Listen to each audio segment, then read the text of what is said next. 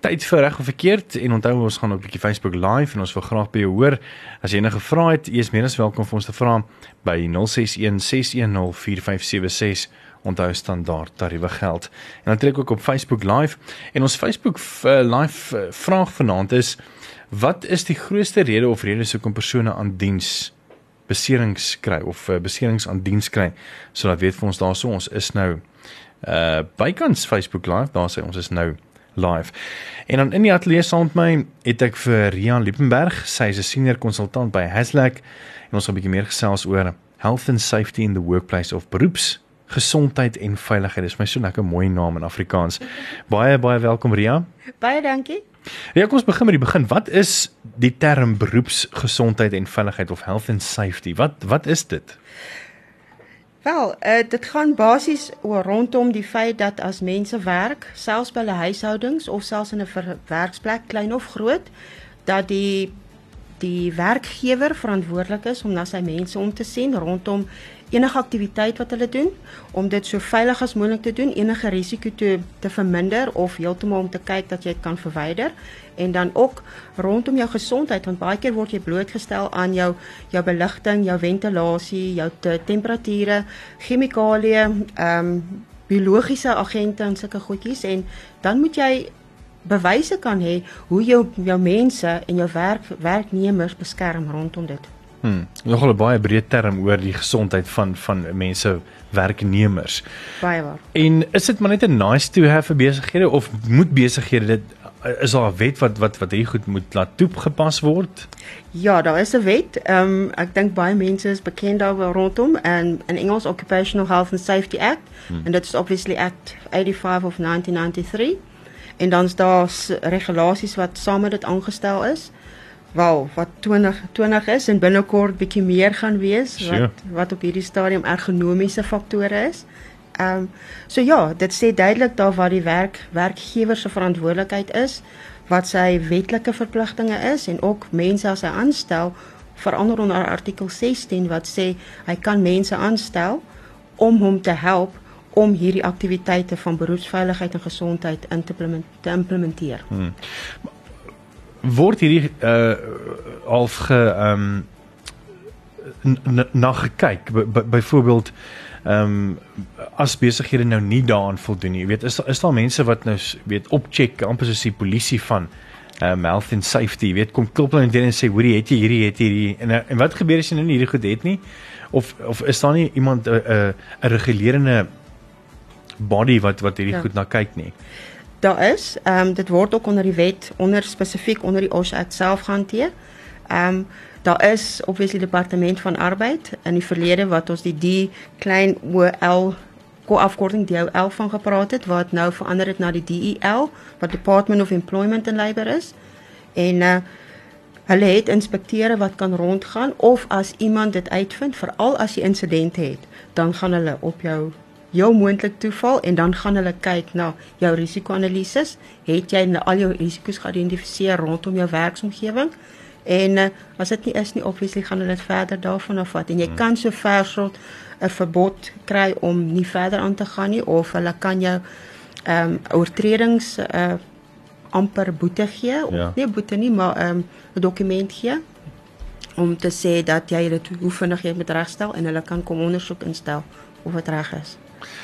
Noem miskien ook 'n voorbeeld van 'n klein besigheid. Byvoorbeeld wanneer ons eintlik so baie, jy weet, um, mm. om om aan te voldoen as 'n mense besigheid wil. Jy weet jy natuurlik 'n besigheid registreer, daar's dan natuurlik belasting ja. en uh, dan daar natuurlik kontrakte wat jy moet aangaan as jy miskien nog 'n mm -hmm. plek wil huur en sulke goede. So ek dink en natuurlik moet jy dan die besigheid maak werk want jy moet tog iets tog verkoop in ruil vir die geld wat jy gaan maak om natuurlik jou huur en jou salaris te betaal. Dis nogal baie vir 'n besigheidseienaar. Ek dink daar's baie besigheidseienaars wat miskien op 'n tydjie so verleef is want daar so baie aspekte wat 'n mens moet voldoen en 'n mens het nie altyd die hande om te help nie. Wat sou raad sou jy hê om om nog steeds te kan voldoen ehm um, aan byvoorbeeld die wetgewing van health and safety wat nou nie weet gaan kos hulle nou iemand aanstel of nog ten duurste hierdie goed moet moet gaan aankoop of die meer nie. Weet jy wat, ek dink as as as 'n bestuurder van selfs 'n klein maatskappy, is daar nog steeds wetlike toepassings wat praat van as jy meer as 5 mense het, dan moet jy 'n um, ehm, uh, wat sê 'n first aid box hê. Ehm um, as jy meer as 20 mense het, dan moet jy 'n uh, 'n health and safety of 'n uh, gesondheid en en veiligheid verteenwoordiger hê wat jou jou jou werknemertjies kan verteenwoordig wat inligting kan deurdra rondom hoe veilig is jou situasie. So daar's minimum kostes wat jy kan aangaan om jou mensetjies te kan begin blootstel aan dit. Maar ek dink baie van dit is as jy gaan kyk rondom jou jou werksplek instandhouding en goedjies is daar algemene ehm um, kennis wat jy kan indoen wat as jy oor 'n straat gaan loop, dan gaan jy jy is geleer, kyk links, kyk regs, kyk en dan stap jy oor as daar niks is nie. En dit is maar baie keer wat op jou werk van toepassing is van hmm. as jy iets doen, vra jouself, is voel jy veilig? Is dit wat ek moes gedoen het? Is daar dalk dokumente in plek, stappe wat sê ek moet dalk handskoene aantrek of goedjies, maar dat jy baie vinnig kan identifiseer en gewoonlik jou basiese risiko's is goedjies wat wat mens kan onmiddellik implementeer. Hmm. Ek dink een ding wat vir my nogal uitstaan is uh, juis oor klein besighede en health and safety. As mense net kyk net hierdie week in die nuus was daar, ek meen, 'n Magalies skrein winkelsentrum in Montana, 'n brand. Ehm um, weet natuurlik moes daar in plek gewees het vir jou werknemers natuurlik 'n veiligheidsplan te sê wat gebeur indien daar 'n brand is en sulke goede. Mm -hmm. So daar's nog baie goed waaroor ons gaan gesels as jy 'n besigheid eienaar is asseblief gesels saam. As jy enige vrae het, uh, ons is ons het 'n kenner in die ateljee en jy is ook welkom om op ons Facebook live vrae te antwoord. Ons vraag is wat is die grootste rede hoekom of redes hoekom persone 'n besering aan diens kry? En uh, baie dankie vir die almal wat uh, wat saam kyk. Johan Ingerer, Lenet, uh, Wilna Skalk Selwyn en Jaco wat so verby is.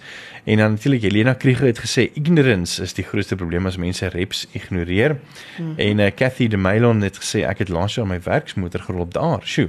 So gesels lekker saam. Ons gaan net hier naby terug wees. Ons WhatsApp nommer is 061 610 4576 en onthou standaard tariewe geld. Ons is net hier naby terug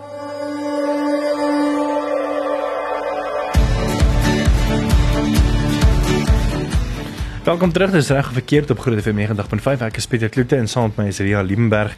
Sy is 'n senior konsultant uh, by besigheid Haslak en hulle doen konsultasie vir beroepsgesondheid en natuurlik veiligheid of soos ons dit ken, health and safety. uh, ons het 'n bietjie uh, onthou ons is op Facebook live. Ons vraag aan jou is wat is die grootste rede of redes hoekom persone 'n besering aan diens kry? En jy kan sommer jou vraag vir ons daarso gaan plak. Ek sien Pieter Pretorius het gesê ongeluk is 'n ongeluk. Ongeluk buite 'n persoon se beheer Uh alhoewel nie altyd nie Pieter, ons gaan nou 'n bietjie hoor hoekom nie.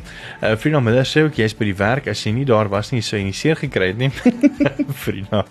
Ja, ek hou van daai idee. En dan sê Magda Proleus, uh, be extra vigilant in any given workplace. Maak nie saak wat jou beroep is nie, mense mm -hmm. moet altyd ekstra versigtig wees en twee keer dink oor wat jy nou kan doen.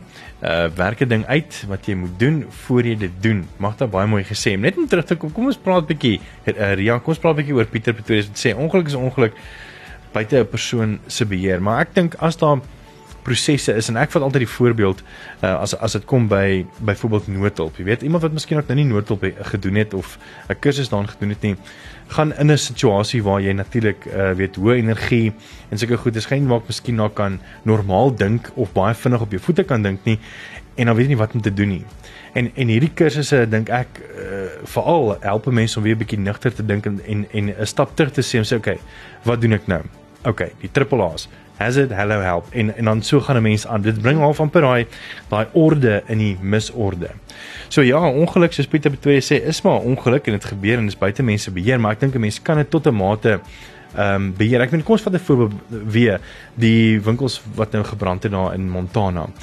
Wat sou gebeur het as die departement van arbeid nou aangekom het en miskien ook 'n paar van die employees uh, of die werknemers uh gevra het hoor hierso maar um, uh, ons is bly hulle lewe natuurlik. Ehm um, het julle dan geweet waar om uit te kom en wat wat was 'n veilige roete om uit te kom? En hulle sê nee, daar was nie enige roeteplanne of veilige emergency goed nie. Wat wat kan met so besigheid gebeur? Ja, ehm um, ek dink die die groot ding is sodra dit jou jou mense, jou jou werknemers 'n uh, soort van raak, kan die departement van arbeid daar opkom vir al as dat baie ernstige situasies veroorsaak ja. het. Ehm um, die wet is baie baie duidelik rondom of die OSH Act wat ons van vroeër van gepraat het, Act 85 of 1993 gaan rondom om die feit dat daar sekere regulasies wat ook vir jou sê as jy jou fire, jou emergency egress. So dit sê vir jou as jy 'n besigheid het, het jy jou roetes geïdentifiseer, hmm. het jy dit gekommunikeer aan jou mense? Waar is jou bewys dat jy dit gekommunikeer het? Sure. En elke keer op 'n gereelde basis want mense raak betrokke by hulle eie werksomgewing en hulle vergeet partykeer van goedjies. So is dit beskikbaar? Is dit veral beskikbaar by deure waar jy in en uit gaan sodat dit onmiddellik beskikbaar is vir mense of, of visueel is vir hulle.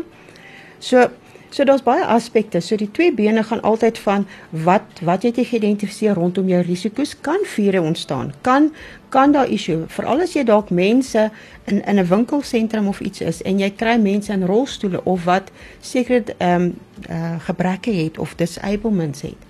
Hoe maak jy seker as ietsie gebeur dat die mense ook onderrein kan word? Hmm. Baie keer het jy 'n klomp trappe, maar as jy iemand in 'n rolstoel het, hoe verwyder jy hulle van? Hoe vinnig?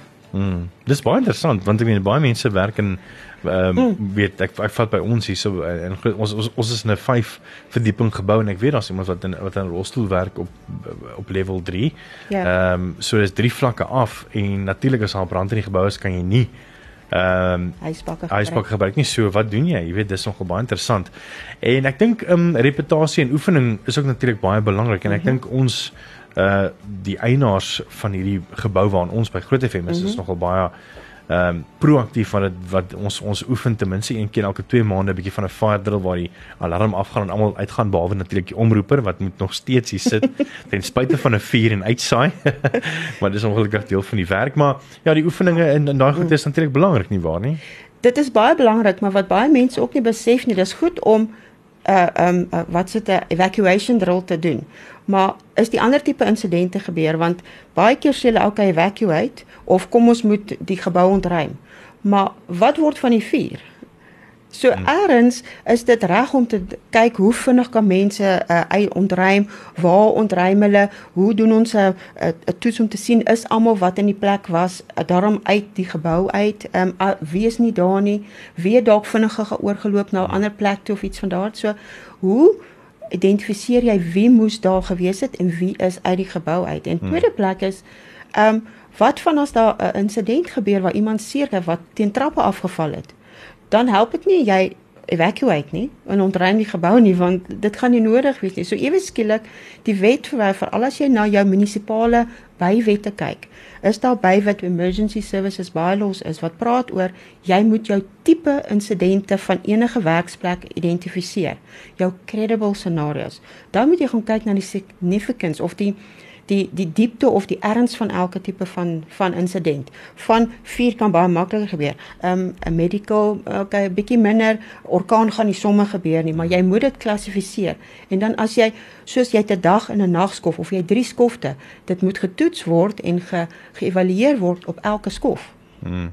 Want anders as jy die dag sit jou meeste baie bestuurders en goed, maar op die ander skofte is dit nie altyd beskikbaar nie. So hoe maak jy besluite? Hoe vat mense leiding want as jy as jy benoud raak om te ontruim dink mense nie reguit nie hulle moet hmm. onmiddellik sien waarheen waar is jou syne jou dokumentjies jou goedjies wat vir jou onmiddellik die rigting hmm. aanwys en oefen natuurlik ja. ek sien hier nou 'n uh, 'n persoon wat vir ons 'n vraag of 'n stelling gegee het en Elena sy sê um, hallo Elena ek werk by vir Jan Tax Ai Jelena, jammer hoor.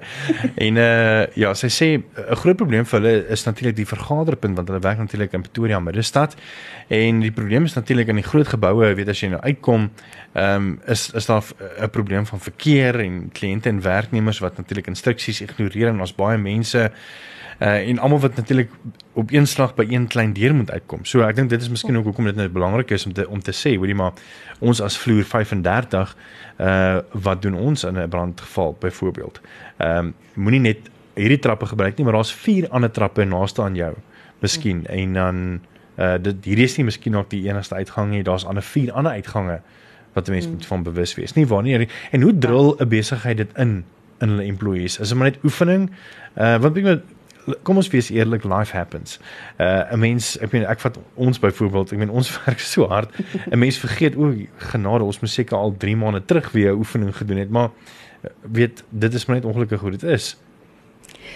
Ja, dit is waar. Ek dink die grootste ding is van practice makes perfect. Dit is maar op die ou en die die grootste ding waaroor dit gaan. So enige besigheid as jy gaan kyk na jou tipe van ontruimingsplanne, jy jy moet op jou plan altyd sê wat is jou beste roete, maar baie keer het, het iets gebeur by daai spesifieke en dan moet jy alternatiewe roetes hê. Jy hmm. moet seker maak waar jou jou byeenkomspunte is dat dit ook veiligheid vir mense is veral as jy rondom gaan as dat 'n bomdreigement is of hmm. dis 'n vuur.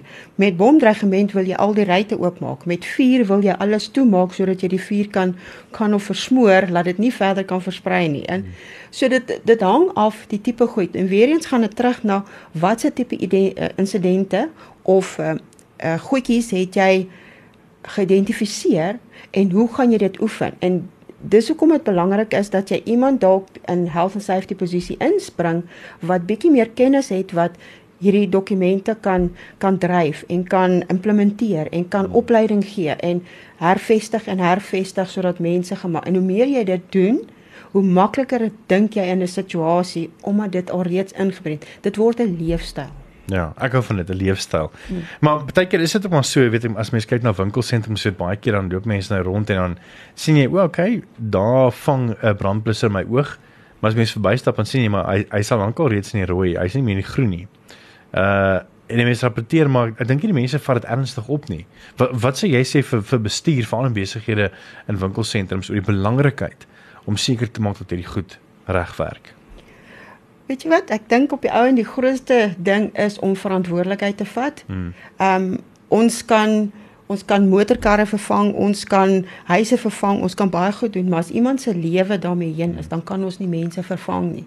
En ek dink mense, ons besef nie altyd die impak. Mense is ons ons grootste bate eintlik in enige besigheid. Ja.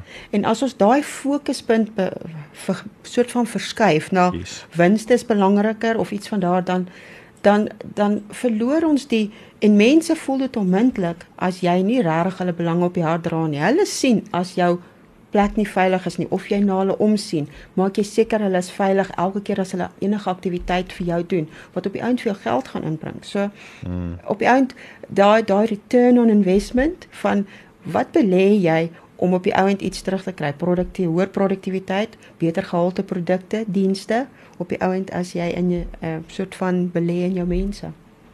Dis Ria Liebenberg en sy is 'n beroepsgesondheids- en veiligheidsspesialis by Haslek en sy is 'n senior konsultant baie passievol oor hierdie onderwerp. Ons gaan bietjie nader net weer bietjie verder daaroor gesels.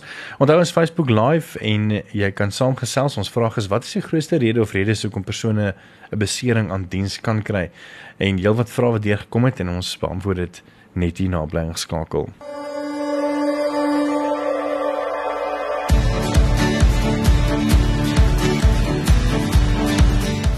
Gesels 'n bietjie oor beroepsgesondheid en veiligheid en saam met atlees Ria Liebenberg, sy is 'n senior konsultant by Haslek.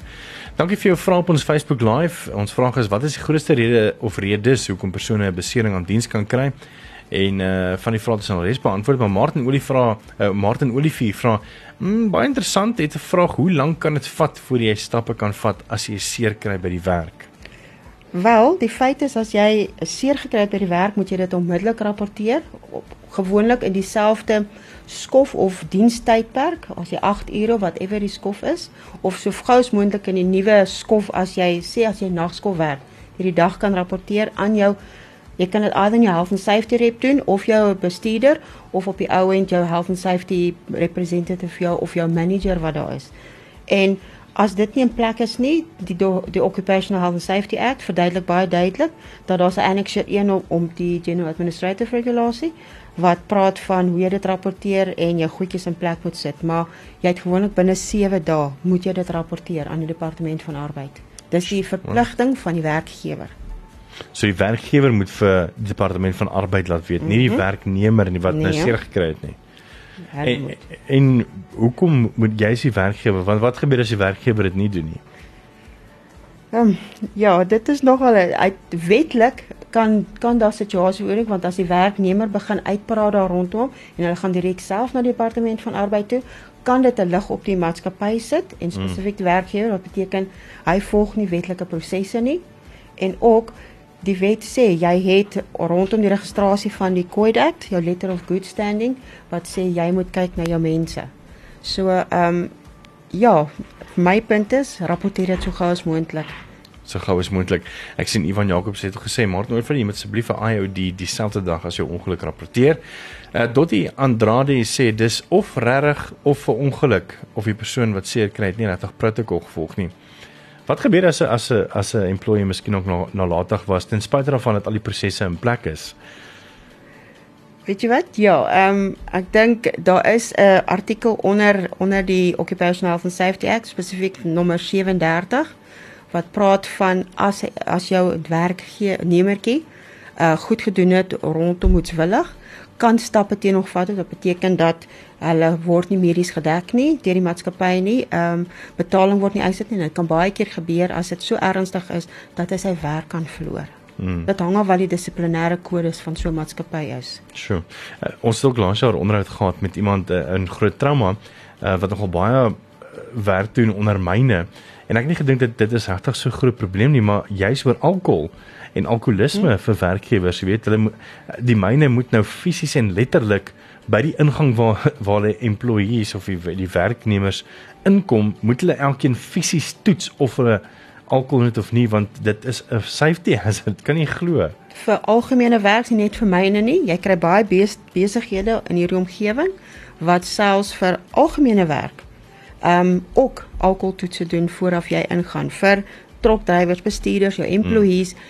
Enige besoekers wat inkom, moet dit getoets word. Ehm um, dis 'n proses en hange wat jou dissiplinêre kode hmm. is, kan kan dit verder gevat word. Sjoe, dis baie interessant.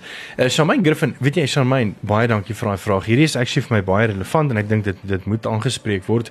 Ehm um, veral as dit kom by ons dames. En sy sê, dis nou Charmaine Griffin, sy sê my vraag is nou nie oor beserings of sulke goed nie, maar dit gaan natuurlik oor die welsyn van mense werkers, oor die gesondheid. En sy sê wat gebeur as 'n mens as 'n mens weet by die werk is en daar is baie keer tot 4 tot 5 ure wat jy sonder water sit. Dit is tog onmenslik dat mense vir die vir die tyd nie 'n badkamer kan gebruik nie. Kan ek my handsak vat en huis toe gaan waar my badkamer werk? Ehm um, ek dink dis miskien ook 'n tweeledige vraag van of of situasies byvoorbeeld kom ons sê uh, stad Tshwane uh, daar's nou weer 'n pyp wat gebars het en dit is natuurlik die besigheid se se skuld nie. Ehm um, dan kan hulle mos maar net weet by die besigheid eienaar hoor en hoorie so ons kan nie toilette flush nie. Kan ons maar gou vandag huis toe gaan en daar ek hoe hoe werk dit? Ek, dis 'n baie relevante vraag. Dit is baie en dan kom dit weer eens terug na jou emergency planning. Het jy voorsiening gemaak vir sulke tipe insidente wat kan gebeur juis in die tipe omgewings waar mens werk en waar elektrisiteit en krag 'n probleem kan wees? Dan moet jy op jou plan gewoonlik 'n contingency plan hê van as daar 'n tekort aan water is, as krag het, het jy emergency generator of dit hang dan gewoonlik af van jou werkgewer of hy sal toelaat dat jy huis toe kan gaan of nie, maar gewoonlik en baie maatskappye maak hulle voorsiening vir addisionele water, 'n JoJo tank wat opgesit word of iets van daar wat jou help met addisionele water spesifiek vir toilet vir mm. of sanitasie, want die werk plek fasiliteitsregulasie praat duidelik rondom sanitasie dat die werkgewer dit moet onderhou.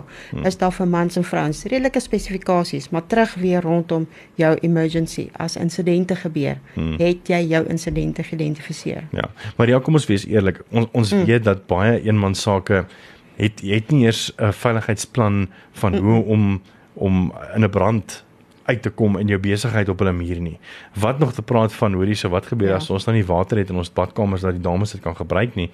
Ehm um, wat kan 'n werknemer soos byvoorbeeld Shamaine byvoorbeeld nou nou doen? Uh as hy na die bestuurder toe gaan en, en hulle weier en sê jy kan nie. Dis 'n werkstyd jy moet verlof vat of so. Uh, is hulle geregtig om dan want ek meen tog is dit die welsyn en 'n basiese need van 'n mens om natuurlik badkamer toe te gaan.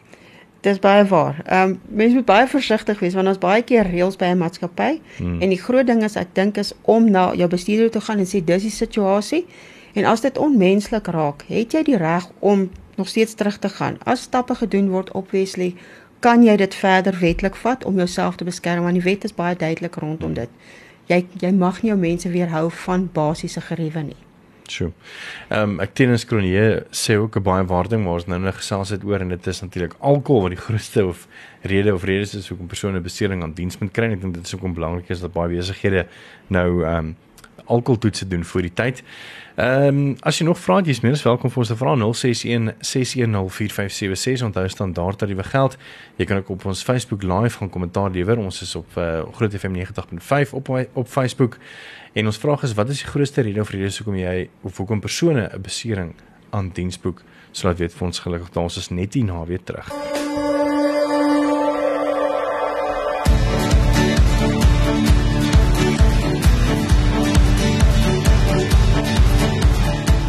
Welkom terug by Reg of Verkeerd. Ons Facebook live vraag is wat is die grootste rede of rede hoekom persone 'n besering aan diens kry? En baie dankie vir almal wat uh, saam gekyk het en saam julle vrae vir ons gestuur het en die meer. Ria, uh, saam met my Ria Liebenberg, sy is 'n senior konsultant by Haslak en uh, sy is 'n beroepsgesondheids- en veiligheidsspesialis. Uh, as jy vanaand vir ons moet opsom, ehm um, hoekom dink of as, as jy net vir my moet oorreed en sê Pieter, hoekom moet my besigheid ehm um, comply. Wat sê vir my sê om my te oortuig? Sjoe, ek dink die groot ding is gaan oor watse waarde het jy vir jou mense. Hmm. Ehm um, hoe belangrik is jou mense as jy moet dink aan jou eie familie, jou direkte, jou man, jou vrou, jou jou partner, jou kind of jou jou ma, sulke goedjies. As iets met met hulle moet gebeur, waar hulle by 'n werksomgewing of 'n aktiwiteite gedoen het, en dit jy besef dit was die oorsaak van die maatskappy omdat hy nie sekere regulasies en en stappe en prosedures in plek gehad het nie. Hoe gaan dit jou laat voel? So jou grootste ehm um, doelwit is om ten minste die mense wat jy die oggend by die werk laat aankom het om in dieselfde gehalte en kwaliteit terug te kan stuur na hulle eie familie teen die einde van die dag. Dis vir my baie mooi ehm um, opsomming. Hm. En as mense 'n bietjie meer wil weet oor weet uh die regte daarvan kan hulle maar net die departement van arbeid se webblad besoek vir weet oor die wetgewing wat dit kom ja. by. Ja, verseker. Hulle in Google is nogal Dr Google is baie mense van vra. ja. Gee dit baie maar die departement van arbeid sal vir jou al die inligting kan gee. Hoorie so, dit was my nou baie insiggewend. Ehm um, ja, ek het 'n paar goed by jou geleer vanaand en ek dink dis baie belangrik dat mense hulle werknemers in ag neem as dit kom by veiligheid en mense sien elke dag as mense kyk na daai brand op Pretoria Noord, hierdie goed kan gebeur, weet mense dink weet nie, dit gebeur met daai persoon of mense lees al van in die nuus. Hierdie goed kan met jou gebeur en is jou besigheid reg as dit kom by daai. So Ria Liebenberg, baie dankie dat jy saam gekom het. Sy's 'n senior konsultant by Haslag en sy's 'n beroepsgesondheids- en veiligheidsspesialis. Baie dankie vir jou. Baie dankie Pieter. Bly skakel vir meer musiek tot môreoggend 5:30 van hierdie groot ontbytspan jou gaan wakker maak. Ek en jy kuier klein Saterdag tussen 6 en 9 en môre is ook weer tyd vir groot trauma so bly geskakel. En ek ek kan dit vir jou sê jy gaan nie groot trauma wil mis nie. Ons gee 'n ongelooflike groot prys weg. So bly geskakel daarvoor môre aand tussen 8 en 9.